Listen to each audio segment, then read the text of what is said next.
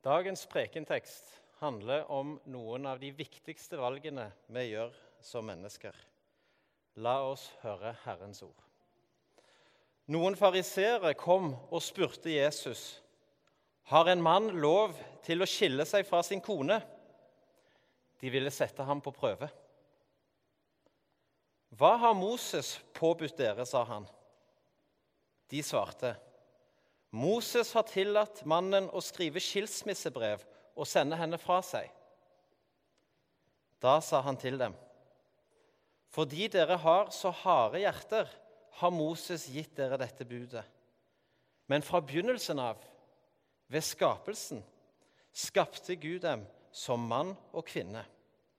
Derfor skal mannen forlate sin far og mor og holde fast ved sin kvinne og de to skal være én kropp.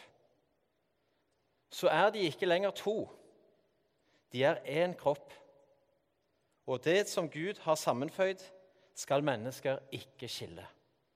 Slik lyder det hellige evangelium. Jesus blir utfordra av noen av de skriftlærde til å uttale seg i en debatt som pågikk mellom ulike skoleretninger innenfor jødedommen.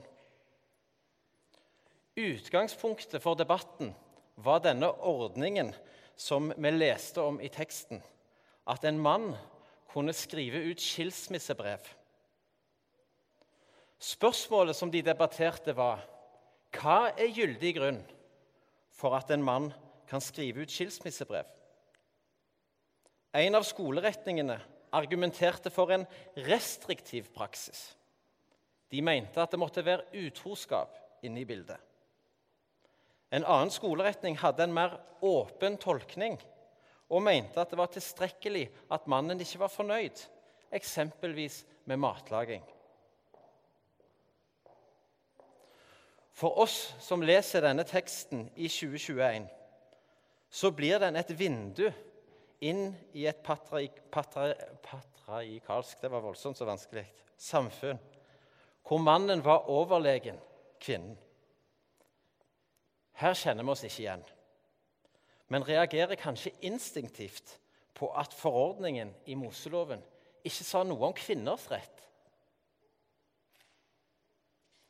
Jesus bekrefter verken denne ordningen om skilsmissebrev eller mannens overlegne rolle. I stedet går han tilbake igjen til teksten som ordningen var basert på i utgangspunktet. Guds vilje for ekteskapet er at det skal vare. Det er til det beste for de to som er gift, for barn og for samfunnet. Moses sin forordning var ikke først og fremst et uttrykk for Guds vilje, men for at virkeligheten er sånn at mennesker kan ønske skilsmisse likevel. Fordi dere har så harde hjerter, har Moses gitt dere dette budet, sa Jesus. Og på dette punktet, om at skilsmisse faktisk er en realitet, kjenner vi oss nok mer igjen, vi som leser teksten i 2021. Statistikken viser at det har blitt registrert i overkant av 9000 skilsmisser årlig i Norge de siste årene. Oppløste samboerskap føres det ikke statistikk over, så de kommer i tillegg.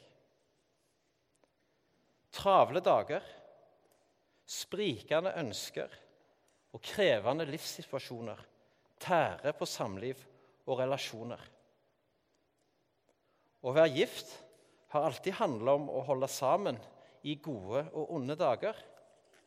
Men mange vil mene at i dag er det ekstra utfordrende, dette prosjektet. Fordi det er så mange forventninger til og muligheter for selvrealisering at, at det er lettere sagt enn gjort å være gift. Trygve Skau er en poet og visesanger som stadig flere får et forhold til bl.a. gjennom eh, TV-programmet 'Hver gang vi møtes', som han var med på for en stund siden. En av sangene som han har skrevet, heter 'Gir meg nåde', og den ligger på Spotify hvis noen har lyst til å høre den etterpå. Her skriver han bl.a.: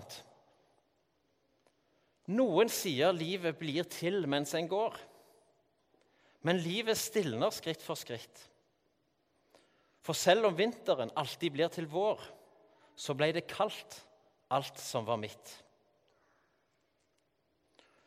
Han beskriver en opplevelse av at relasjoner kan bli kalde. Livet som en gang var der, kan stilne. Det gjelder i ekteskap, familieforhold, vennskap, kollegaforhold. Jeg vil tro alle av oss kjenner oss igjen i det. Det kan være ulike grunner til at relasjoner blir kalde. Og i en preken som denne er det ikke mulig å si mye. Men jeg skal ta utgangspunkt i denne sangen til Trygve Skau. For den handler om en hovedperson som innser at han sjøl har gjort ting som har vært ødeleggende, og som har bidratt til at relasjoner har blitt kalde og livet har stilna. Hør hva han sier i tekstlinjene før gjennom daler og over fjell. Der har jeg plyndra og reist ifra. Over fjorden en varm vestlandskveld, der fikk jeg mer enn det jeg ga. Kanskje kan vi se på dette som en bekjennelse fra et hardt hjerte, som Jesus snakker om. Harde hjerter betyr egenrådige hjerter sta hjerter. Jeg vil ikke ha et hardt hjerte, og det tror jeg kanskje ingen av oss her inne vil. Men så er det likevel noe som kan skje oss i livet, sånn som det er. Hjertet kan bli hardt fordi vi har det vondt. Hjertet kan bli hardt fordi det kan være stolt. Livet er ikke likt for oss men det er ikke en dans på roser for noen. Fins det noe vi kan gjøre der hvor livet stilner og relasjoner blir kalde?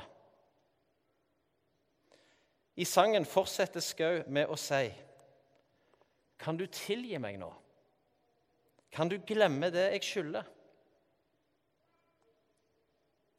Hjerter åpnes når vi ber om tilgivelse.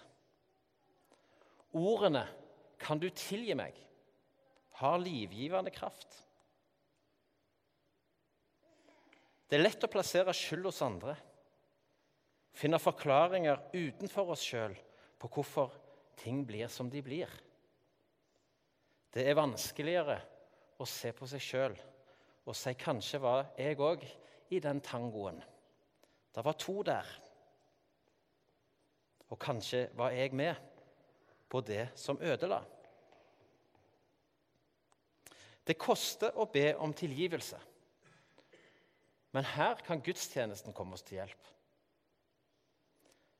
I starten i dag sa vi fram synsbekjennelsen. Noen ganger når jeg har kommet til gudstjeneste, har jeg tenkt det er nesten litt dumt å begynne å minne seg sjøl på hvor dårlig en er. Og synsbekjennelsen har jeg hørt kan gi noen en, en dårlig følelse av å komme i kirka. Men poenget med synsbekjennelsen det er at ingen av oss skal trenge å holde oppe fasadene.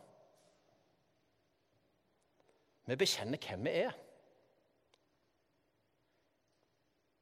På den ene sida er vi fantastiske. På den andre sida så er vi med å såre og svike. Og her i dette rommet, er det ingen hemmelighet. Så inviteres vi til nattverd, til å motta Guds kjærlighet og tilgivelse. Ikke fordi fasadene våre var riktige, fordi livet var sånn som vi skulle ønske det var. Fordi vi har sminket oss eller satt på filter på livet. Men vi kommer som vi er, sånn som vi faktisk er. Med livet sånn som det faktisk er. Og der er det Gud møter oss. så kan hans tilgivelse og kraft gi oss mot til å si Kan du tilgi meg? Der det var vi som hadde gjort urett. I dag er vi så heldige å ha fire dåpsbarn. Gratulerer til foreldre og familier. De skal ut på livets reise. De har i dåpen fått et fantastisk utgangspunkt. Gud har gjort dem til sine barn og gitt dem et hjem i sin kirke, hørte vi. Og dere som er foreldre, har fått et viktig oppdrag i å lære dem å be, lese Bibelen og bruke nattverden. Dette er fantastiske ressurser for et godt liv. For på veien gjennom livet kan hjertene bli harde, relasjoner bli kalde og livet stilne. Men der hvor dåpsbarna velger, og der hvor vi andre velger i våre liv, spørsmålet kan du tilgi meg der vi har gjort urett, der kan livet komme tilbake. Det gjelder både i forholdet til Gud, oss sjøl og til andre mennesker. Ære være Faderen og Sønnen og Den hellige ånd, som var, er og være skal, en sann Gud fra evighet og til evighet.